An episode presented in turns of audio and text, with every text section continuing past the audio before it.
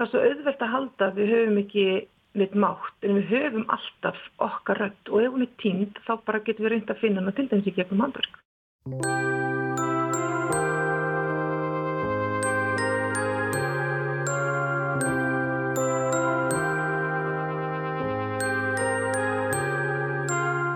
Þetta var Sigurún Bragadóttir, viðmælandi glans í dag. Þú ert sérsagt að hlusta á glans. Við höfum fjallaðum textíl og hannirðir í þessari sériu þáttarins og til dæmis skoðað mismunandi efni og aðferðir. En í dag ætlum við að líta til þess fjölbreyta tilgangs sem getur leið að baki hannirðum. Hvaða þýðingu geta hannir þeir haft? Hvaða ávinning geta þeir haft í för með sér? Bæði fyrir þann sem stundar þær en einnig samfélagið allt. Er hægt að miðla skilabóðum svo sem pólitískum skilabóðum með krossaumi, hekli og prjóni? Geta hannir þeir haft áhrif? Jafnvel átt þátt í því að breyta heiminum til hins betra.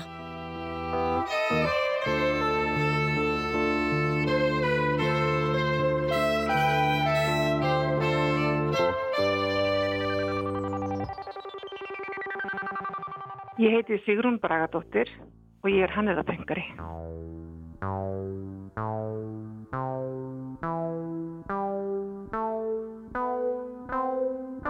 Ef að ég byrja alveg svona aftast, hver er þín hannirða saga ef svo má orðið komast? Í raun og veru man ég ekki eftir mér öðruvísi heldur en að vera að vinna eitthvað í handunum sko. Mamma og hérna sýstur hennar og amma mín og langama, allt miklar sko, hann er það konur og saumakonur. Og það voru alltaf reglulega svona saumadagar þar sem þær hittist og saumuðu allar saman sko. Og langama hún var þvottakona til dæmis í setni heimstyrjöldinni og hún var að hérna þrýfa þess að nýþungu ullar hérna galla af bresku hermurunum sem sáti þá bara stundum bara halv kjökrandi inn í eldúsinu hennar meðan þeir voru að þotna og þeir bara greiti þarna ólingstrengi og söknuði mömmu sinna sko. Hann langaði alltaf bara þess að ætlaði þess að drengi sko. Og hún var alltaf involverið í textil því svo var hún líka sko saumakona maður mann alveg eftir þessum sögum sem að þú langama og amma voru að segja einmitt akkurat úr stríðinu með til dæmis hvernig allir kveitisekkinir voru notaður til að sauma senguverur það var alltaf verið að sauma eða tala um saumaskap uppskriftir og þá var alltaf verið að ræða um snið, búrtasnið og þetta snið og hvernig var þetta að breyta því, lengjaða þarna og, og þrengja þarna, þú veist, þannig að þetta veist, bara var í raunum verið bara svona kvöstarslegt tal í minni æsku, sko. Þannig að þetta var alltaf einhvern veginn í kringum þig. Alltaf, já. Og var það í rauninni bara allskynns hannirðir? Svona hvernig, hvernig hannirðir er mitt svona stundar þú? Í raunum verið bara svona allt múlíkt sko. Ég prjóna, ég þæfi, ég brótira, sauma út. Ég hef ofið í svona vefstól, mála, saga, negli. Það er í raun og veru bara eh, rosalega mikil bara handa vinna. Og í raun og veru þegar ég var barn í grunnskóla það fannst mér miklu skemmtilega í smíðum heldur en í handavinnu. Sko. Það er ekki fyrir þarna á svona ólingsaldri sem að ég svona fer sjálf að vinna að hannirðir sko. En núna í dag er ég bæði að þæfa, þurrþæfa með ull og nál í svona ullar jafa. Ég er líka að prjóna eitthvað bastard sem ég veit ekki alveg hvort það verið peysa eða teppi. Þannig að það er svona afganga, afgangatýpa, mjög litrig og svo er ég líka að sögum út sko. Þannig að svona raun og veru hvað vil ég sko, hverjum degi. Hvernig lærið þeirru alla þessa eðin? Sko ég var í listnámi í Líðháskóla í Núregi 92 til 93 var larði ég svona sitt lítið að hverju sko. En svo lærði ég að þæfa þegar ég var í kennarháskólanum og þá hérna tók ég svona uh, valnámskiði mitt svona í svona hérna í hannirðadildin þar sko, textildildin þar og hérna þar lærði ég að þæfa og Emið, þú ert kennari eða hefur mm. nokkur ártu að reynsla kennarstörfum Já, um, en ekki sem hannirðakennari Nei, í raun og veru ekki sem sér hann er að kennari en ég notaði alltaf í raun og veru svona skapandi leiðir í e, nálgun minni á námsefninu. Þú veist, þegar ég var að kenna landnámseldina sko, þú veist að þá notaði ég mikið leikarna tjáningu og krakkarnir voru að gera búninga og, og annað þannig að ég hef alltaf sko í raun og veru gert það sem ég kalla svona samþækting námskreina og þá nota ég alltaf einhvers konar svona skapandi leiðir til að nálgast efnið svona í raun og veru eftir því sem hægt er sko. Þannig að þín svona textil uh, kunnáta hefur einmitt komið að miklum nótum í kennarastarfinu. Hjálpar þetta krökkunum að læra eða hvað Já. gerir þetta? Það sem gerist er sko er að heilin vinnur á allt öðrum heila stöðum.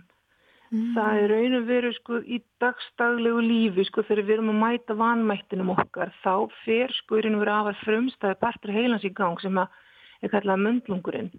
Ég er náttúrulega engin heilaskjárfræðingur en ég hef lesið mig til um þetta og það sem ég skilst er að sko þessi hluti heilans hefur lítið sem ekkert þróast síðan við vorum bara í raun og veru hellisbúar. Þetta er hluti heilans sem stýrir þessum flóttaviðbröðum, hérna flýja, frjósa, uh, sko berjast fight, flight, freeze eða play dead.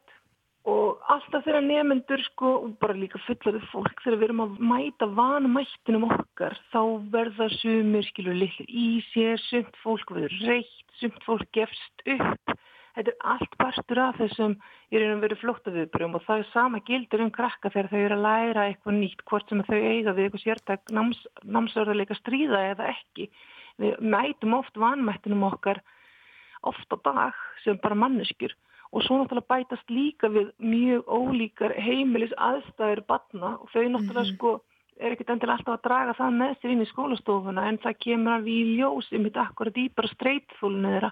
Er það mikið eða lítið eða þraut segjan lítilega mikil og kennarar veit ekki endilega alltaf úr hvað aðstæðan krakkar að koma. En þetta hefur alltaf áhrif á getið þeirra til náms. Ekki hvort þessu klárir krakkar eða ekki. Það hefur ekkert með það ekki, ekkert með gáfna fara að gera heldur bara þess að getur til námst því þegar ef heilin er fastur í þessu flight, fight, freeze móti sko, þú veist að þá erum við ekkert að nema nýjar upplýsingar, við erum ekkert að taka inn nýjar upplýsingar og varveita þær og nýta okkur þær og yfirfæra þær yfir á annað. En ef við vinnum í höndunum og erum að takast af veðurveðar aðstæður þá förum við úr möndlugnum yfir í sko framheilasvæði það sem að rauk hugsunum er. Þegar að sko krakkar fá að nota komur að segja aðra heilastöðvar meðan þar eru að, að temja sér eitthvað erfitt eða mæta einhverjum hliðum í sjálfunum sem eru kannski að draga með þú veist sem að ónættanlega burðast með að heimann sko að þá færi hefist þessi hluti heilans frí. Og þá er bara allt í náttúrulega rosalega gaman og bara krökkunum finnst þau ekkert vera að læra bara eitthvað, hei já þetta við erum ekkert búin að vera að læra í dag heyrði einu sinni strák segja sko veist, þetta er bara rosalega gaman. En ég meina daginn eftir og daginn þar á eftir tala hann ekki um neitt annað en skilur þau hérna örlustæðabardaga en húnum fannst hann ekkert hafa verið að læra en þannig að var hann bara með líka við smöstu smáadriði um örlustæðabardaga sko komið og, og farin að yfirfæra og farin að festa þetta mm. í, í hérna minninu sko.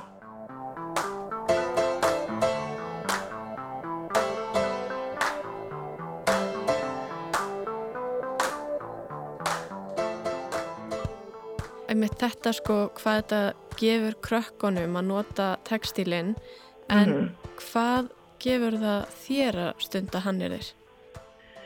Það er í raun og veru bara mjög svipað og þessum krökkum sko að því leiti að e, ég með ADHD og ég hef verið að hérna vinna úr afleggingum áfalla, svona alls konar áfalla. Og þegar ég er e, að vinna í höndunum að þá fær heilin frí. Og líka þegar maður er með ADHD bara heilin er í raun og veru sko, hann er ekki í raun og veru þannig að eins og margir halda þetta sé eitthvað svona brestur eða skortur á aðtikli heldur er þetta freka bara svona eins og veist, þetta er svona eins og víðóma sko, við erum að nema svo margt í umhverfunu ef við erum á kaffihúsi þá kannski heyri við í þú veist kvörninni að mala kaffið, við heyrim í guðunni þegar er verið að fara undirbúa fyrir að flóa mjölkina, svo heyrim við þegar er verið að flóa mjölkina það er að hella på kaffi, við heyrim sko fólki hérna í aftasturriðinu verið að tala og við heyrim líka þegar fólki fremsturriðinu er, er að leggja inn pæntun og svo heyrim við líka fólki á næsta borðið tala. Veist, þetta er bara svona, þetta er víðhyggli, aðteglin er mjög víða en mhm. þegar, en þegar eh, ef maður er að vinna í höndunum, að þá er bara eins og það verður bara smá eh, lokn.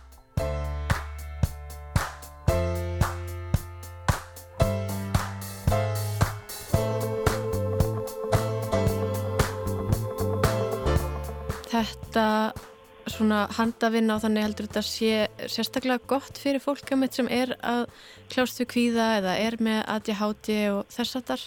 Já, já, algjörlega. Og það er og veru skiptir ekki endilega máli hvað það er að því leiti að það er þessi vinna, hugur og hönd. Það er þessi tenging, veist, augna og handa og það er þessi tenging heilin og hendurnar og það er þessi rytmi, hvort sem fólk er að mála, teikna, skilur smíða, tálka, í raun og veru, þú veist, skiptir það per se ekki máli, það er þessi handavinna, það er þetta handverk og það er til dæmis sko e, verkefni sem byrjaði í Ástralji sem heitir Karlar í skúrum og er núna líka á Íslandi. Já. Það ymmit akkurat var sett á stopp til þess að sko vinna á móti félagsleiri einangurum karla. Ef þú hefur verið að glýma við áföll eða erfileika þá er oft sko tendens að einangra sér félagslega vegna þess að samskipti verða erfið. Það er erfitt fólk sem hefur lengt í áföllum eða, eða glýma andlega erfileika á oft erfitt með að hérna, tala um það ég er erfitt með að horfa í augun á öðru fólki En þegar það kemur saman með öðrum og ert að vinna í höndunum þá er í raun og veru sko krafan í raun og veru svo að þú ert meira að fókus á handverkið mm. og fólk mm. getur talað um hvort fólk getur talað, hvort, hvort það er að tala um skilur að lífsreynsluna sína eða bara tala um verkefni sem það er að vinna af og þar er strax heilin farin að vinna á öðrum bylgjulengdum, þú ert í raun og veru farin að sækja í félagsleg samskipti og þá fer í raun og veru sko, þú, það er allt frá bara lækkaður blóðþristingur, lækkaður blóðsikur, lækkaður kólestról, lækkuð streytuhormón. Þetta hefur allt verið skoðað og þetta eru þess að jákvæðu afleðingar af því að vera að vinna með öðru fólki í hóp að við erum félagsdýr að því leita, við þurfum ekki öll að vera eitthvað valhappa í öskjuhliðinu með möffins í körfu og syngja skátalög til þess að tengjast. En þegar við akkurat draugum okkur úr samfélagi manna af einum eða öðrum ástæðum þá koma oft líkamlegir kvillar e, í ljós sem afleðing af því að hafa dreyið sér svona rosalega hér fólk sem syngur í kór og syngur sem er tíðinni, það hefur hormonabreitandi áhrif til góðs og það sama er að gerast þegar fólk er að vinna í höndunum saman í hóp. Ég mm. mitt sá líka að þú hefur unni með uh, samtökunum stígamót Já. og talað um sagt, hann er þér sem emitt leið til að vinna úr áföllum eða sem meðferðar úrræði. Já. Hvað þýðir það í rauninni?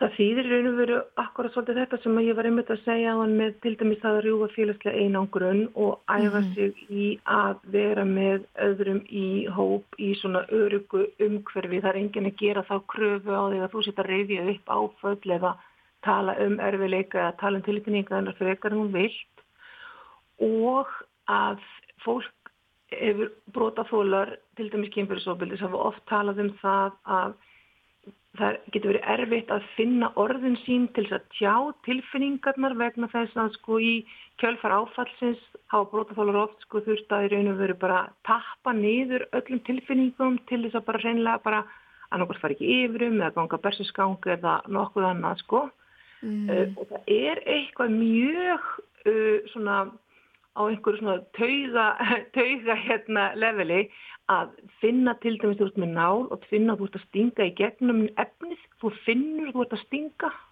En þú ert ekki að stinga þig, þú ert ekki sjálfskaða, þú ert ekki með aðra manneski en þú ert að stinga ykkur. Sumulegis með þessa hérna þurrþæfingarnálar að vera hjakkast á einhverju sko efni og ull en þú ert ekki að í raun og veru meða neitt sko en þú ert að fá þarna útrás og svo líka það að sko innbyggð reyði er ótrúlega sko skadaleg. Reyði er náttúrulega bara tilfinning, alveg eins og bara, bara gleði og, og sorg og, og tillökkun og allt þetta. En um leið og þú beinir reyðinni inn á við eða hvert þeim sem eigan ekki skilið, hvað sem það eru, börn í kringum þig eða annað fólk, það er náttúrulega reyðin mjög skadaleg sko. Mm -hmm. En leið að við getum beint reyðinni þánga sem hún á heima, þá er þetta bara reynið að vera bara mjög eðlilega tilfinning og eðlilega útrás. En við getum ekki alltaf beintinni þánga sem hún á heima út af ýmsum ástæðum og þá er svolítið gott að geta tekið það út um þetta á efninu. Og til dæmis bara brótir að blótsýrði og bara fúkirði og, og sett svo í gullramma það, það er viss útrás. En þú ert ekki að ganga yfir mörg annara með því að reyta þessu í fólk eða þú ert ekki að garga yfir einhvern hóp og bölsótast sko. En þetta er náttúrulega bara eitt af alls konar sko í raun og veru verkvarum ég er ekki að segja að þetta geti bjargað öllu sko. En þetta er bara mjög öflugt verkvari í verkvarakistuna þegar fólk er að glíma við afleggingar áfalla.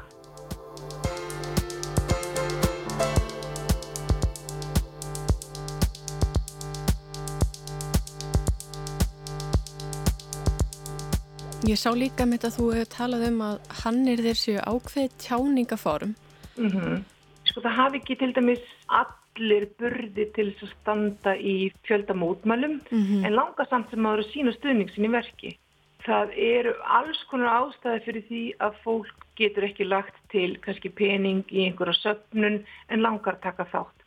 Þannig að þá getur við notað handverkið til þess að í raun og veru sína stöðningi verkis með þá svona hannirðagraffi í almenningsrými, hvort sem að vera brótira eða hekla eða prjóna eða hvað annað, að stilla því bara einhver staðar upp í almenningi þannig að annað fólk sjáu og því það sáur líka fræjum sko, svona um bara í raun og veru um málefni líðandi stundar, eitthvað félagslegt óreittlæti sem er í gangi og, og maður vil ekki aðtegli á því á svona kannski hátt sem að kannski stuðar en stuðar samt ekki svona eins og þú veist eignarspjöld. Þetta er svona hlut af því sem ég kalla hannurðapöng og það er svona mín þýðing, lauslega þýðing á ennska orðinu craftivism mm. sem svo samanstendur úr orðunum kraft og aktivism. Og lýsir því þegar fólk notar hverskins handverk eða hannirðir í sínum aktivisma. Og í raun og veru skiptir ekki máli sko hvað við köllum þetta á íslensku sko, þú veist það er til alls konar þýðing og þetta er ekkert neitt eitthvað meiklað í stein en mér fannst þetta svo tilvalið sko að skeita saman orðunum sko handafina, handiðin, handverk pluss punk mm -hmm. saman og búið til hann er það punk af því að bæði það að kona sem heitir Betsy Greer, bandarísk kona sem hefur verið tilli ljósmúður hann er það punksins í dag hún sko sækir sinn innblástur rosalega mikið í punktímabilið þetta svona mm gerði það sjálf filosófjuna sko, sem mm. er náttúrulega grunnurinn og bak við pöngiðin ekkert endilega sko gattaólarnar og sniffa lím sko það tengist ekkert endilega skiluru filosófíu pöngsins heldur það yeah. þetta það er þetta að framkvæma án þess að spurja kong eða prest og líka þetta að gera það sjálf Já. að svolítið sko augra stöðluðum stöðluðum hérna, kynjamyndum, kynhlutverkum eða líka það að sko að þeir undir okkur rýsu upp og taka sér pláss. Og ég bara fílaði pöngið og elskaði pöngið alveg meirum allt salt og allt. Og pöngið var einmitt alltaf drivkraftur í mínum aktivisma sko. Á þann hátt að sko þó svo ég vissi að maður myndi ekkit endilega vera með einhverja hallabildingar með einhver litlu brótur í þá samt sem áður sko þurfti maður ekki að sitja hjá og bara láta þetta yfir sig ganga heldur sko.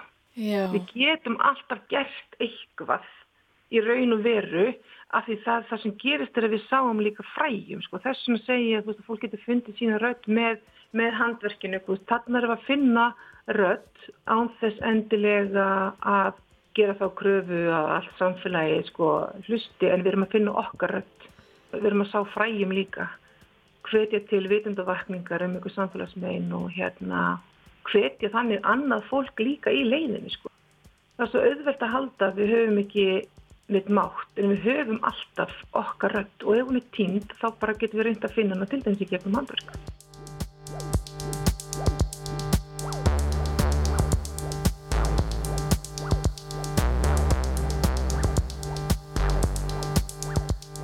Hver er saga Hannirðapöngsins? Ég sá einhver staðar að sko hugtakið hefði verið svona uh, fundið upp eða, eða orðið þekkt fyrir ekki svo löngu en hins mhm. vegar væri Hannirðapöng mjög gamalt, mjög svona gömu liðin. Þetta orð var í raun og veru endur vakið í kringum Íraksstríði þegar að Betsy Greer var á hannirðaheitingi með fólki í New York og var að prjóna og hann langaði til þess að sína í raun og veru mótmæla stríðinu á friðsalan hátt með handverki. Og hún var að leita að orði til þess að í raun og veru vinna með. Og þá segir ein manneski á hann er það heitingnum bara af hverju notar ekki orðið kraftivism og hún bara mm. já ok. Og þau er svona að skoða það. Og hún í raun og veru sko ítir því úr vör aftur og gerir það svona, svona að megin ströms orði. En orði sem slíkt er í raun og veru gamalt. Það kom að með minnir fyrst fram í bók uh, sem heitir The Subversive Stitch eftir konu sem heitir Rosika Parker. Og svo bóka frá 1982 en svo kona er látin sko þannig að þú veist það er ekki mikið vitað um sko hvort að hún hafi í raun og veru akkord fundið orðið annar staðar og hver hennar pæling var að nota það. En það er samt um áður pælingin er þessi að hann er að pöngu er alls konar og mitt hann er að pöngu þarf ekki verið eins og þitt og þitt þarf ekki verið eins og mitt og það getur verið alls konar. En það eru svona, sko, svona megin þemað í því er að þú notar handverkið hann er þarna þínar til að láta gott af þið leiða. Til að vekja aðtikli á ykkur félagslegu óriðtlæti, til að vekja fólk til umhugsunar, til að dreifa í raun og veru kærleik og umhyggju. Þú notar þitt handverk og handavinnu í að reyna að gera heiminn að betri stað heldur en það var með því an, meðal annars að virða hann er það hefðir sjá til þess að þær degi ekki út hampa þeim, reyna að finna nýjar leiðir til að nota gamlar handverkshefðir, hampa þeim og hampa þeim sem á undan okkur eru gengin sko handverksfólkið. Já. Þannig að í raun og veru sko er þetta sem gjörningastefna, er þetta náttúrulega bara jafn gamalt og sögu heimsins. Þú veist, fólk hefur alltaf verið að nota handverkið sitt til þess að láta gott af sér leiða, þess að tryggja afkomu sína og, og sinna og þar fram til göttunum þannig að í raun og veru sem svona gjörningastefna hefur þetta í raun og veru alltaf verið til.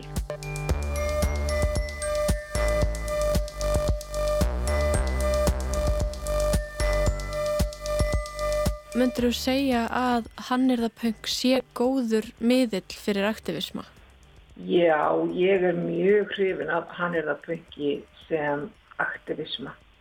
Stundum fyrir það ógeðslega mikið í töðunar á mér hvað þú veist, ég vil vera fljótari af því að þú veist það er auðvildar að skrifa eitthvað á blad, það er auðvildara að taka spreybrúsa og spreyja á vegg, það tekur bara, þú veist, tekur þann tíma sem að fer í að kaupa spreyið eða pennan og svo bara krótaru og búið by bless.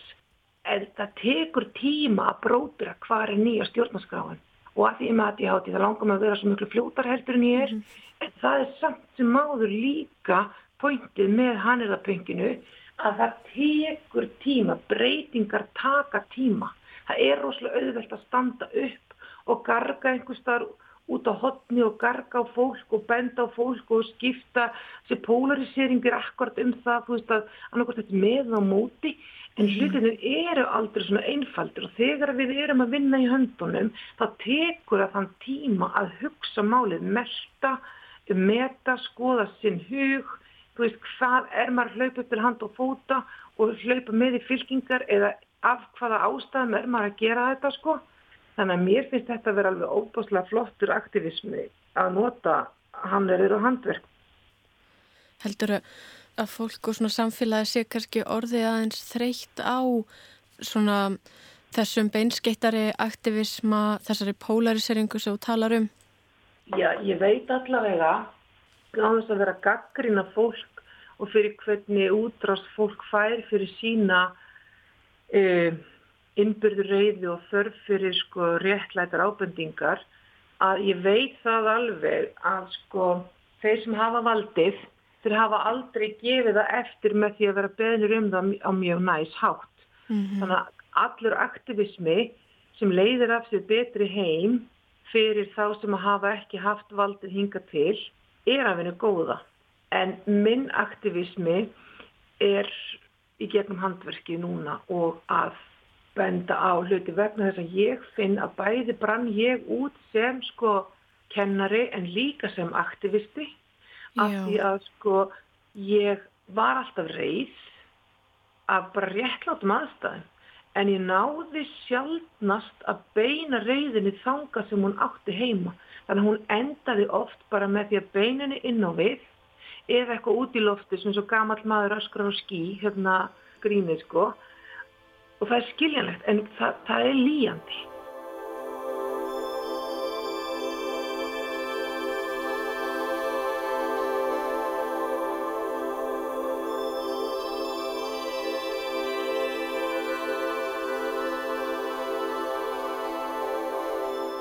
Hvernig leytist þú út í Hannrapöngið og vissiru að það væri það sem þú væri að gera í upphafi?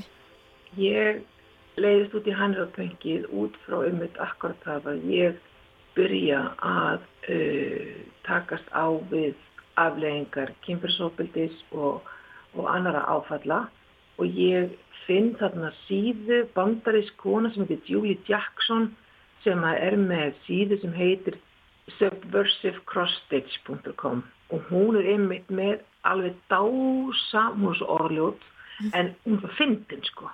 Og hún er með pólisí, hún tekur ekki fyrir sko trúmál og ekki pólitík en hún notar svona alls konar orðarleiki þetta er bara svona settleg miðaldra bandarís kona voða fín og svo þessi rosa stríðakjaftur og allt saman er þetta í svona gildum svona kitsch römmum þannig að þetta er svona miklar andstæður og þetta er svo fyndið. Og ég þetta hjálpaði mér ég mitt bara akkurat að koma aftur inn í útsömmin að það var þessi ógíslega mikla fyndni. Svo fer ég að fylgja á samfélagsmiðlum og svo fer ég að sjá pósta frá þessari konu Betsy Greer sem að hérna svona ítti hérna hugtækjana kraftivisma aftur úr vör og svona gerðan svona aftur svona mainstream sko og þegar fylgja henni og þá fyrir ég að kynnast bara þessu meir og meir sko og þá fyrir ég að sjá hvernig þetta er einhverju samaramist ofslega mikið minni heims sín og mín minni svona svona jafnbreytt þess að kynjafræði pælingum sko og þá sé ég að mörguleiti hef ég verið í kraftivisma sko í lengri tíma heldur en ég gerði mig grein fyrir en þarna fyrir samt sem maður að taka þetta upp og meira svona markvist sko. Já. Ég veit að það spyrja mig sko fyrir hvað stend ég, hvað vil ég sko fá út úr þessu, hvað vil ég gera og hvernig vil ég gera það sko. Þannig að þá fyrir ég bæði að graffa ljósastöura og uh, stöðumæla sjálfsalanir í bæ og og borð og bekki og, og líka bara búið til myndir sko og einmitt svona fúkerði og annað fyndið í, í gildum ramma sko. Já og þú segir graffa og ég sá einmitt að þú uh, gerir, uh, sérst, margt af því sem þú gerir kallaru mm. hann það graff en hvað Já. er það?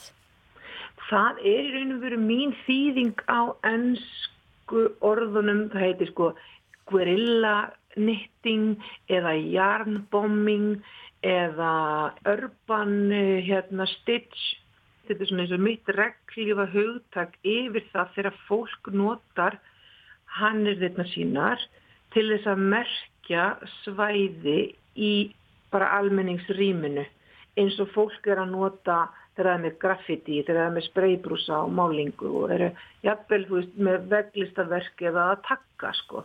Af því ég er ekki að fordama, ég er ekki að fordama sko gödulist, þetta er bara hluti af gödulistinni gödulist er bara mjög missmekleg en það er líka mjög persónlegt eh, hvers og eins og sumt er bara eignarspjöld og sumt þjónatilgangi og sumt er bara skemta fýst en þetta er, þetta er í raun og veru þessi, þessi gödulist það er í raun og veru hluti af því þannig að list þarf ekki að vera sett inn í einhver sko, kassa, einhverja fjóra veggi til þess að borga sér inn, til þess að njóta, til þess að vera fyrir hughrifum, til þess að geta miðlað.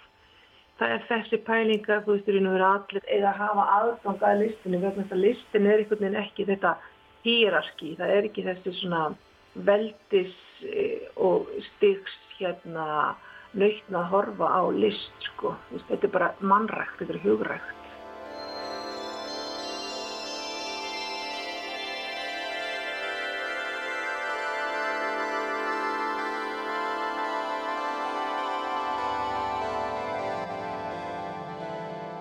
Berglind Inga Guðmundsdóttir fjallar um Hannirða Graf sem hún kallar endar Gardgraf í námsrít gerð sinni.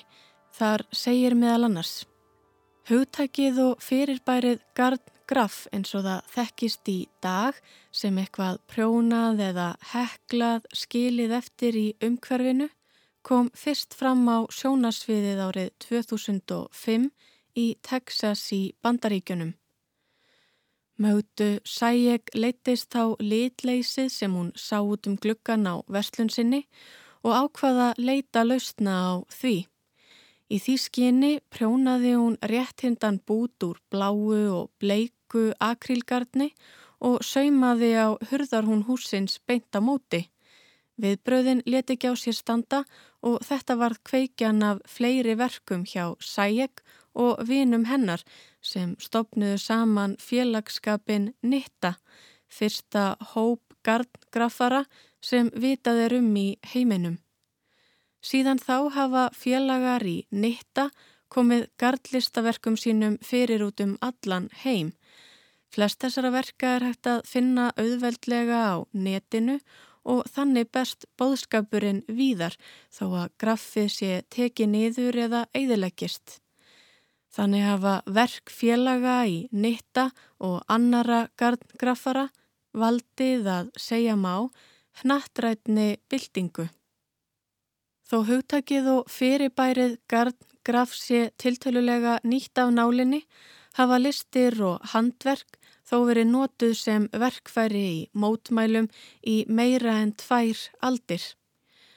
Í bók Charles Dickens A Tale of Two Cities sem gefin var út árið 1859 og á sér stað fyrir og í frönsku byltingunni byrtist prjón bæði sem væmið og byltingarkent aðtæfi. Hinn gróteska persóna, Madame Therese de Fards, situr við fallauksina og prjónar lista með nöfnum fórnalampa byltingarinnar. Prjónatnir veitanni ákveðið skjól og gefa í skina þar sjá ferð saklaust aðtæfi en með prjóni sínu er Madame Dufards í raun samfélagsrínir. Af þessu dæmi, þó um skáldsögu sé að ræða, má ætlað svo mynd sem aðrir hafa af prjónurum sé ekki mynd byltingar eða aðgerða sinna.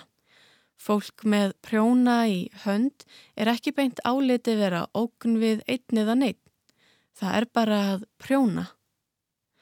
Dæmi um listamenn sem hafa nota prjón til að mótmæla stríðsregstri eru Marian Jörgensen og Lisa Ann Auerbach sem báðar leituðust við að deila á Íraksstríðið með friðsumum og beittum mótmælum. Prjón, þetta heimilislega form, var þá tekið út á gödurnar og nota til að hrista upp í fólki og vekja það til umhugsunar. Árið 2006 í kjölfar þess að Danir urðu þáttakendur í Írakstríðinu ákvað hinn danska Marian Jörgensen að láta til sín taka. Hún óskaði eftir litlum prjónuðum bleikum ferningum og henni bárust að endingu um fjögur þúsund slíkir frá öllum heimshóttnum. Ferningarna notaði hún svo til að hilja gamlan skriðdrega sem notaður var í setni heimstyrjöldinni.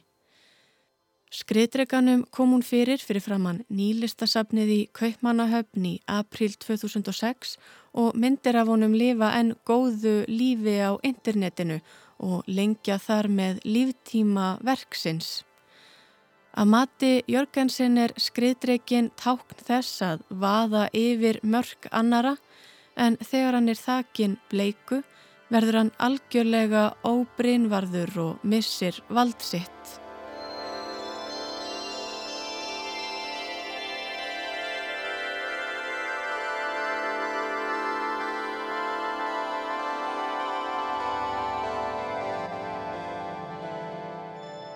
Hvernig myndið þú lýsa mitt þínum verkum? Nú hef ég skoðað nokkuð verkum mitt á vefsíðinni og ég sé mitt að þar tekur mikið fyrir svona dagramenningu, þessa popular mhm. culture, mm -hmm. samtíman, pólitík og svo einmitt þessar staðalýmyndir kynjana á þess að þar. Mm -hmm. Og mhm. hvernig notaru hannurinnar til að koma þessum skilabóðum á framfæri?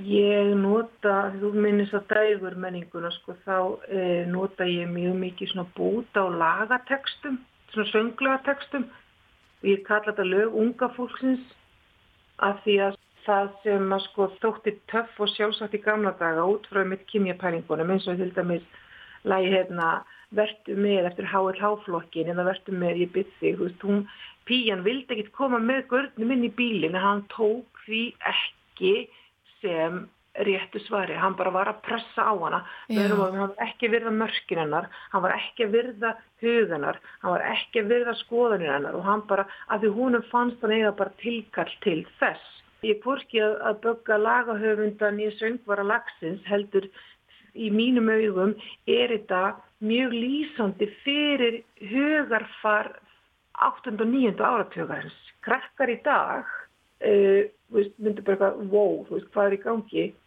Þannig hef ég verið að vinna með þessa séri sem ég kalla lög unga fólksins, sko. Uh, benda á þessa skekki og það sem þykir fínt í dag þykir kannski næstu kynslu að vera ekki í raun og veru fallegt eða gott og, og hérna og, og með ofurhetjurnar, svona fundagshetjur, sko. Ég nota það svolítið mikið, sko. Ég var ósala hrifin af ofurhetjurnum sem krakki, sko Mér langaði svo að vera eins og hulk sko, að geta bara orðið reyð og bara sett mörg sko. Ég bara elskaði hulk, mér fannst það svo frábæra að geta orðið svona reyður sko. Mín reyði var svo niður töpuð og Wonder Woman, mér langaði alltaf að sko vera eins og hún sko, ná að fljúa og finna vondugaurana og refsa þeim þar að, veist, að hún með svona sannleiksvipu hesti þannig að hún gæti sko raun og veru snarað á og nefnt á í svona smá varðhald sko og þeir, þeir komist ekki upp með neitt annað en að segja sannleikan. Og mér fannst einmitt áhugavert þegar ég var að skoða verkinn þín að þá var einmitt sko mynda Batman og stendur mér finnst gott að gráta Já. og Wonder Woman að, að tala um að gallin hennar sé svo ópraktískur Já. og þar finnum maður einmitt smá svona áskorun á þessar stereotýpur kynjana. Akkurat vegna þess að þessar ofurhetjir eru líka ofsala staðlar. Það eru, þú veist, eins og það eru teiknar í dag, sko, alltaf fleiri ofurhetjur komnar á sjónasvið og svona, þú veist, það eru mismöndi teiknarar í gegnum tíðina, en þó svo að Wonder Woman hafi verið þessi rosalega, þú veist, flotta kona, sko, en þá er, hefur alltaf verið gallin hennar þannig að hún er líka uppkonfekt. Það er mér að hver er að hlaupa í svona galla og þess að stoppa mm -hmm. hann, bara, veist, hann bara fer bara milli, milli raskynuna það þarf að stoppa bara hei þú veist brakar hérna, hætti að kveiki sér húsi menn í aðeins hérna plokka hérna buksunar úr, úr hérna rassinum á mér mm -hmm. eða bara þú veist að brjóstinu skoppa upp úr þessum fleikna toppi þú veist þetta er svona hún er náttúrulega rosalega mikið uppkonfekt versus þegar strákarnir eru sko heljarmenni sko. Já Einmitt. Þannig að það er tvískinungur allstáð og mér finnst þetta gaman að vinna með þetta sko. Eins og þetta með leðublökumannin sko, hann er batamadurinn sko, staðan fyrir Batman, þá er hann batamadurinn af því að sko, þú veist, ég minna við grátum öll en úst, þessi rosalega áhersla á þessa skadlegu karlmennsku, það er ekkert skadlegt við það að vera karlmaður en skadleg karlmennska er þegar að körlum er meina að gráta því þeir eru karlar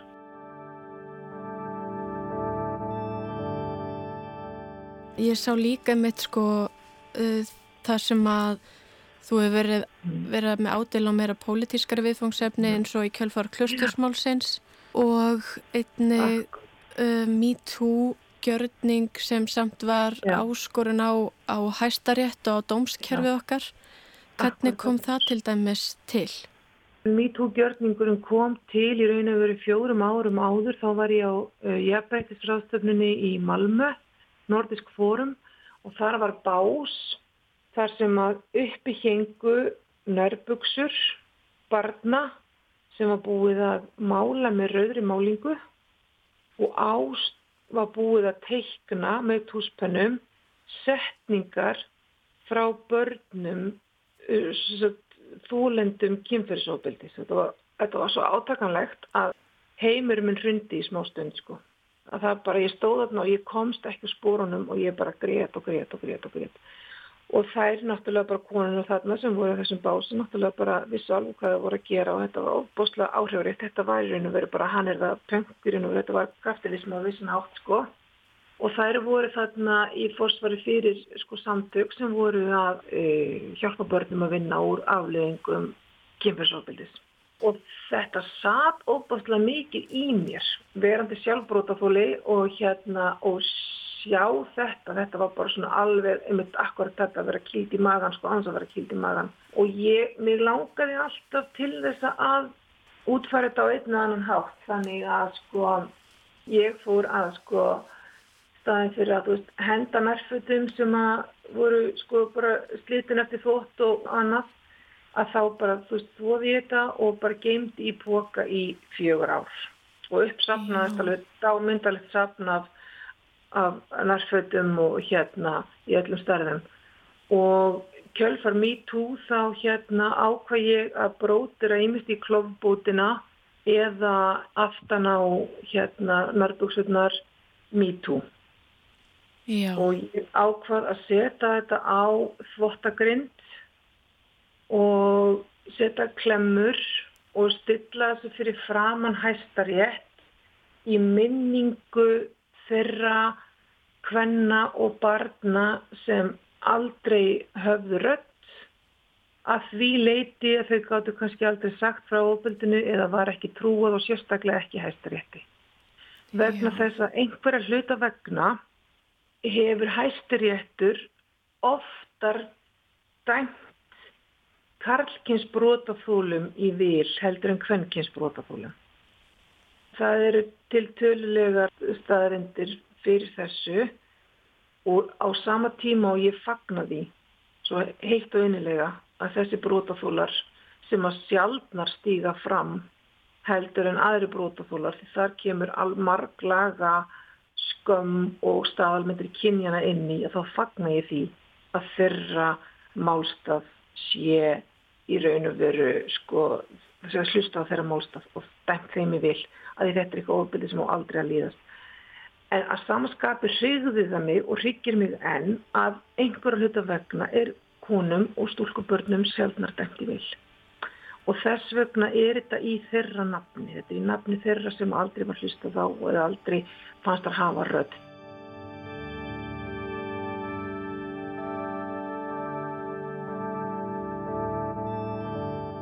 Hvernig viðbröð færðu við verkunum þín? Já, ég hef fengið mjög misjöfn viðbröð. Ég fæ náttúrulega jákvæðri viðbröð við verkunum þar sem eru kannski fyndin fúkirði í gildum ramma eða einmitt ofurhetjurnar sem eru að spögla svona e, töfalt síkjaði eða annað sko. En við þessum verkum þá er það annarkort það að það er bara algjör þögn eða fólk fílar þetta. Já. En ma maður veit það líka veist, í þögninni veist, um hvað tölum við þegar við tölum ekki um neitt sko. Veist, það er svo margt sem að leynist í þögninni sko. Bæði sorg Veist, það getur tryggjurað, það getur vakið upp minningar, það getur vakið upp reyði, svona sakbytna reyði, sko. Svo margt sem við tölum um þegar við tölum ekki um neitt.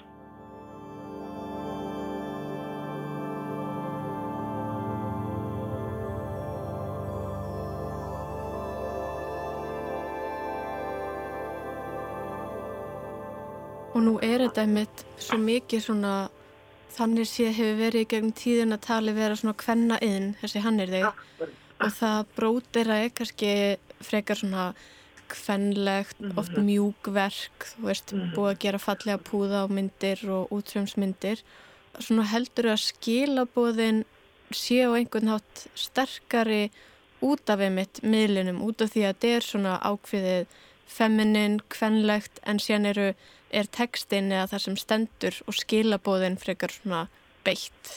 Já, það er akkurat málið. Og þetta með að þetta sé álitið svona hvernlegt dúleri mm -hmm. og svolítið reykja til e, Viktoria tímans. Og þetta stendur í bókunna Rósíku Parka sem ég var myndist á áðan. En sko sama hvaðan þetta er sprottið að þá sko er í raunum verið til til að stutt síðan til dæmis í Íslands sögunni segi ég að karlmennu voru að prjóna.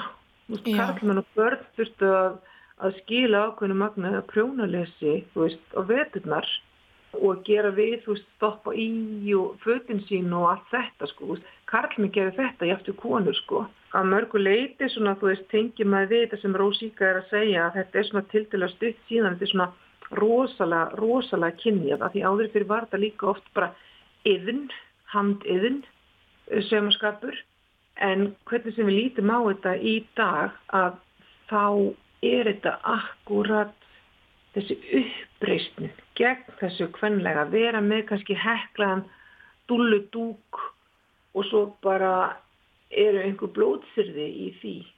Já. það er þess að andstæður sko af því að sko þessi svona reyða útrás hefur líka oft verið tengd við karlmennskuna þú veist að, að það sé miklu svona samfélagslega samþýtt að þeirra karlmennsku saman byrj hulk sko standi upp og bara blási út sko, bara æ, þú veist, bara hann eitthvað espa sig sko. Að þarna getur mætt þessu sko, þessu kröfuharða aktivismanum, kröfuharða um óskipta aðtikli og kröfu um ykkur aðgerðir í þessu fallega mjúka sem vekur upp svona mýgur tilfinningar að horfa á og hefur tekið jafnveg langan tíma að búa til. Og myndir þú segja aðeimitt hann er þeir svona njót njóti tilskildrar virðingar til dæmis sem listform?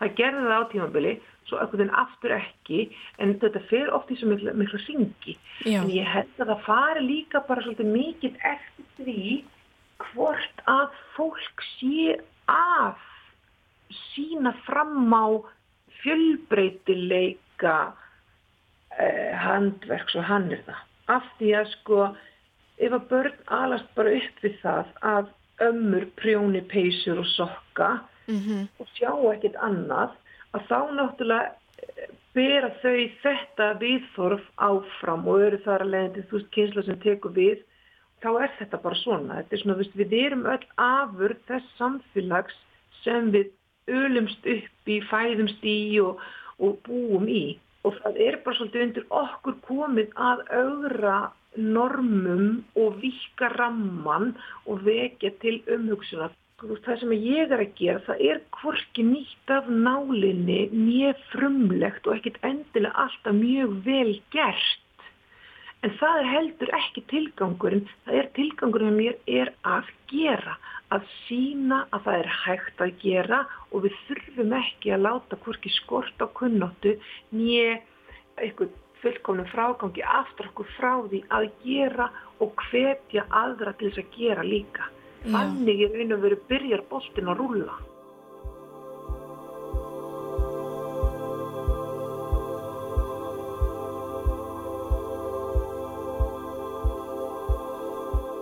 Hvaða þýðingu hefur hannirðarpöngi fyrir þig og hvaða skilabóðum vilt þú meðla með pönginu þínu og aktivisma?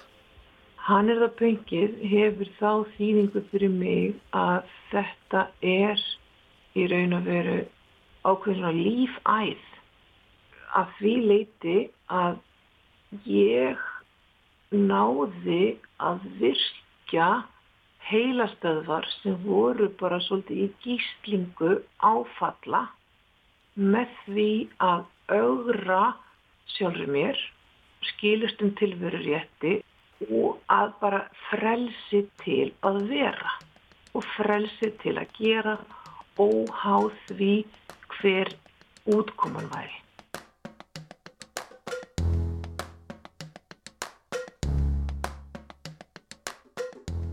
Skilabóðin sem að ég vil koma framfæri með mínu hann er það pöngi tengist svolítið sko um, þýringunum sem hann er að pöngið hefur fyrir mig er þetta að það frelsi einstaklingsins til þess að vera. Sama hvaða kyni þú ert eða kynþætti, hvaðan þú ert að koma eða hvert þú ert að fara, að finnur þörfina til þess að skapa að þá gerur það. Án þess að sko óttast hvað aðri segi eða geri eða hvort þið dæmiði hvort þið nógu fýta eða nógu flott því að með því að skapa eru við svolítið að frelsa hugan úr svona skilirtum tilverurétti og þegar við náum því þá er svo margt annað sem að fer að gerast og hvort sem fólk er að gera þetta bara algjörlega fyrir sig eða hvort að fólk fari út og graffi eða taki myndur og setja á Instagram, það skiptir raun og verið ekki máli. Það er þetta að þú komist út fyrir þennan skilista tilveru rétt og leifir þér að vera.